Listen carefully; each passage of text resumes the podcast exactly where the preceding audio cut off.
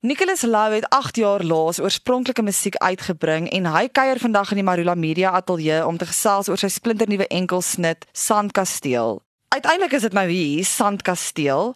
Hoe klink die liedjie? Is dit 'n tipiese Nicholas Lou treffer wat mense sal onthou van ouds of is dit 'n bietjie 'n nuwe klank waarmee jy gespeel het? Dis definitief 'n nuwe klank. Jy gaan definitief trekke hoor van my. Die singstyl sal daar wees, maar dit is nie my hier nie ek noem dit hoofstuk 2 van my loopbaan. Ehm um, ek is obviously 'n bietjie ouer nou, jy weet. Ek het amper 'n dekade ouer geraak vandat ek laas 'n oorspronklike album uitgebring het. So dit is 'n bietjie meer volwasse, maar jy kan nog steeds hoor dis ek. Ek voel nie ouer nie. Ek hoop nie ek lyk te veel ouer nie. Glad nie. Ek kan getuig. Goed, so wat was die inspirasie van die liedjie en jy het ook saam met John Boucher die liedjie geskryf? Ja, ja, ja. Weet jy die inspirasie is basies ek wat my hart oop bloot lê. Ek weet ek het 8 jaar laas iets vrygestel. My shows gaan aan. Ek is baie bevoorreg dat ek het musiek in die verlede uitgebring wat my loopbaan tot nou toe nog dra. Maar 'n uh, ou kom op 'n stadium waar jy jouself dink, "Jong, hoe lank gaan hierdie nog hou as ek nie nuwe goeters uitbring nie?" En ons het dit gebruik as inspirasie vir die liedjie om te sê, eh, ja, sê dit voel asof die wêreld aanbeweeg het sonder my. Dis een van die eerliker liedjies wat ek nog geskryf het, jy verstaan. Ek meen 'n ou skryf altyd vir die mark of meeste van die tyd skryf jy vir die mark. En hier en daar bring jy 'n liedjie uit wat 'n bietjie jou hart bloot lê en hierdie is definitief een van daai liedjies. Vertel my 'n bietjie hoe dit gebeur het dat jy en John Boucher saamgewerk het aan die liedjie. Is julle vriende of hoe het die samewerking gebeur? Weet jy, ons is nie braai vriende nie, maar ek meen ons kom baie goed oor die weg wanneer ons mekaar raakloop in die bedryf. Jy weet, hier en daar ry ons mekaar raak op die pad. Hy het my net eendag gebel uit die bloute uit. Ek was regtig uit die wind geslaan. En hy sê vir my Niklas, jy het vir my so geïnspireer toe ek jonger was.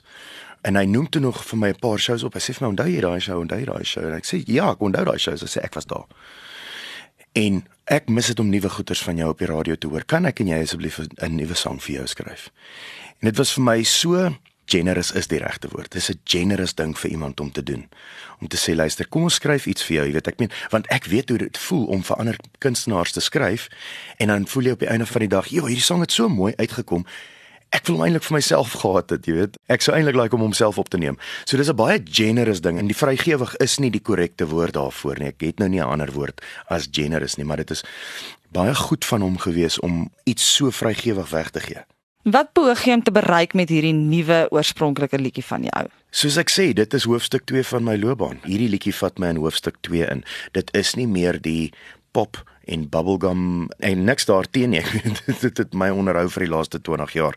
Maar 'n kunstenaar moet aanbeweeg op 'n stadium, jy weet, ek meen dit is nie meer gepas vir my om net liedjies soos My Hey and Rock Thy Life uit te bring nie. Ek is darmal 43 wat nie beteken ek's oud nie, maar ek dink 'n ou se musiek moet 'n bietjie evolueer, jy weet, jy moet 'n bietjie aangaan. En hierdie nuwe liedjie vat my in daai rigting. So beteken dit dat ons nou nie meer die rooi skoene met die vlamme gaan sien nie? Nee. Is hulle in die kas gebeere? Nee. nee, ek gaan dit nie uitgroei nie. Ek weier. maar ek hou hulle wel net vir spesiale optredes. Nommer 1, ou moet seker dan 'n bietjie aanbeweeg daarvan af, maar so een keer in 'n jaar, miskien by die krone optredes of so, jy weet, by die regtig groot optredes. Moet jy die mense net herinner, luister hierso, net nie vergeet met wie jy deel nie. maar nee, ek dra hulle nie meer by al die optredes nie. In die eerste plek, hulle het te duur geword. Hulle kos nou R7000 'n paar. Daai tyd het ek R2000 'n paar betaal so. Dit maak 'n verskil. So hulle bly nou baie mooi in. Hulle word gesmeer met beeswax en ek weet nie wat se so goed als nie net om hulle mooi te onderhou. Ek het so twee baie netjies se pare. Ek meen daai skoene gee nie op nie, né? Ek meen ek het hulle altyd vervang omdat hulle lelik geword het, want ek het 'n manier gehad om op my knieë te gaan staan en gly op die verhoog en dan kom die verf af. Jy weet, dan word die rooi nou geel en later het die skoene lelik geword, maar elke liewe paar van daai skoene en ek het hulle almal nog is in so 'n toestand dat jy hulle tot vandag toe nog kan dra en nie skaam hoef te wees nie. Hulle is in fantastiese toestand. So, maar ek hou die mooies vir die spesiale optredes. Kom ons gesels net 'n bietjie oor die musiekbedryf en hoe dit verander het sedert jy dekades gelede soos jy nou genoem het met Rock Daai Life en al daai liedjies getref het. Intussen het dinge baie verander. Wat motiveer jou om nog steeds op 43 jou musiekloopbaan vol te hou? Ek dink nie veel het verander nie. Die musiek het verander. Die gesigte het verander. Daar het baie gesigte bygekom, daar het 'n paar gesigte weggeval ongelukkig wat ons verloor het. En ek moet dan ook net benadruk dat 43 is dan nog nie so oud hoor. maar die musiek het wel verander, jy weet, en ek meen daar was 'n tyd gewees wat musiek aanbeweeg het na 'n volgende weergawe van pop toe. Ongelukkig het rock nog nie heeltemal lekker vasgevat soos wat ek sou wou nie, maar ek moet ook sê, dis vir my baie lekker om te sien dat daar sekere rock kunstenaars is wat baie mooi pos vat, jy weet soos Spoegwolf en Franswa van Cooke wat jy weet daai ouens het hulle self lekker gevestig nou, Karen Zoid. Dis mense wat in my beginjare 'n naam gehad het, maar nie gekom het waar ek gedink het hulle sou kon kom potensieel met hulle musiek nie. Net omdat dit dit was 'n kultus gevolg dit was 'n baie niche mark geweest. En ek dink met hulle nuwe musiek en met die jare se die nalatenskap wat hulle van daai jare het. Ek sê altyd die die wie die Afrikaner hou daarvan om te vergewe en hulle was die bad boys geweest met ehm um, Karen Zoid en Francois van Cooke. Hulle was naughty en berig en nou nog sekerlik, maar hulle het ook al aanbeweeg in hulle lewens. En ek dink die Afrikaner hou verskriklik daarvan om ek sê dit in aanhalingstekens te vergewe. Hulle was daai tyd stout en van gepraat en nou word hulle gesien as jy weet hulle het ouer geword en Jessie kyk wat het nou uitgekom. So daai loopbane het baie mooi geblom. Dit is maar basies wat verander het in die musiekbedryf. Daar's baie elemente wat dieselfde, meeste van die elemente dieselfde gebly. Waar is Sandkasteel beskikbaar? Sandkasteel is op die digitale platforms beskikbaar. Dit is 'n enkelsnit, so hy's nie op 'n CD beskikbaar nie. Jy, jy kyk na jou YouTube, Deezer, Spotify, Apple Music, daai plekke en so aan. As mense jou vir vertonings wil bespreek, waar kan hulle jou in die hande kry? Weet jy, ek werk met 'n paar agente, maar die hoofagent met wie ek werk is The Legacy Events. Daar's 'n e-mailadres wat hulle kan gebruik, events@thelegacygroup.co.za. events@thelegacygroup.co.za en die telefoonnommer is 082 301 0820 082 301 0820 en dis the legacy events. Het jy nou vergeet? Wat ek nog altyd onthou het. Drink ek tot jy weer. Jy vergeet wat ons gebou het. Ons tande omgesing. Tot die liefde gevind en van my vergeet.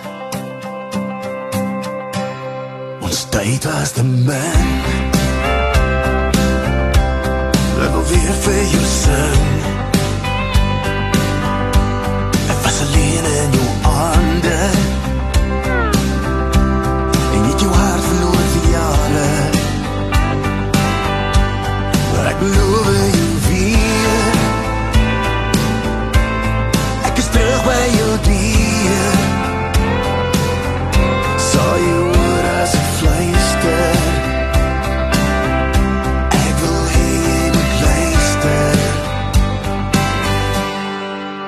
Ek dink my hart is gebreek, dit voel of jy my verneek.